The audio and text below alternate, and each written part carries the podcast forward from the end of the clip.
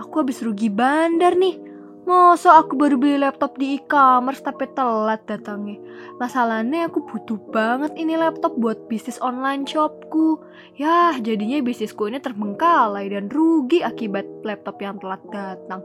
Piye yodik? Waduh, ingkar janji tuh e-commerce-nya. Gak bisa tuh. Aduh, iya kan ya. Aku baca-baca di internet yo, bisa aja sih digugat di pengadilan. Tapi aku orang wani bawa ini masalahku ke pengadilan. Yo, katanya sih terkenal ya kalau bawa masalah ke pengadilan itu ibarat memperebutkan kambing namun bisa kehilangan sapi. Ditambah lagi jika mengajukan gugatan itu akan memakan waktu yang lama dan bertele-tele. Piye yo, Dik? Kalau sekarang sih sudah ada gugatan sederhana, Bro. Wah, gimana tuh gugatan sederhana, Dik? Gugatan yang diajukan terhadap perkara perdata dengan nilai gugatan material paling banyak 500 juta.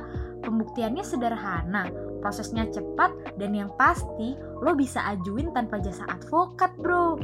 Oh gitu? Kalau gugatan sederhana untuk kasus kayak aku, bisa tuh, Dik?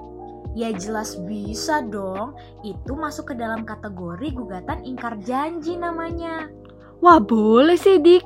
Dicoba untuk mengajukan gugatan sederhana ini. Habisnya aku rugi bandar ya gara-gara kemarin laptop ini telat datang.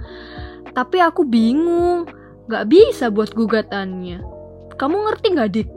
Wah jangan khawatir. Dokumen tersebut bisa diakses di dokumenhukum.id Wah apaan tuh dokumen hukum?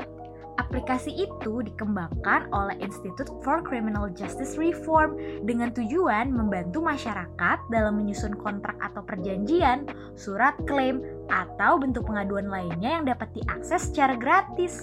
Wah, gas deh, ku coba bikin gugatannya di situ.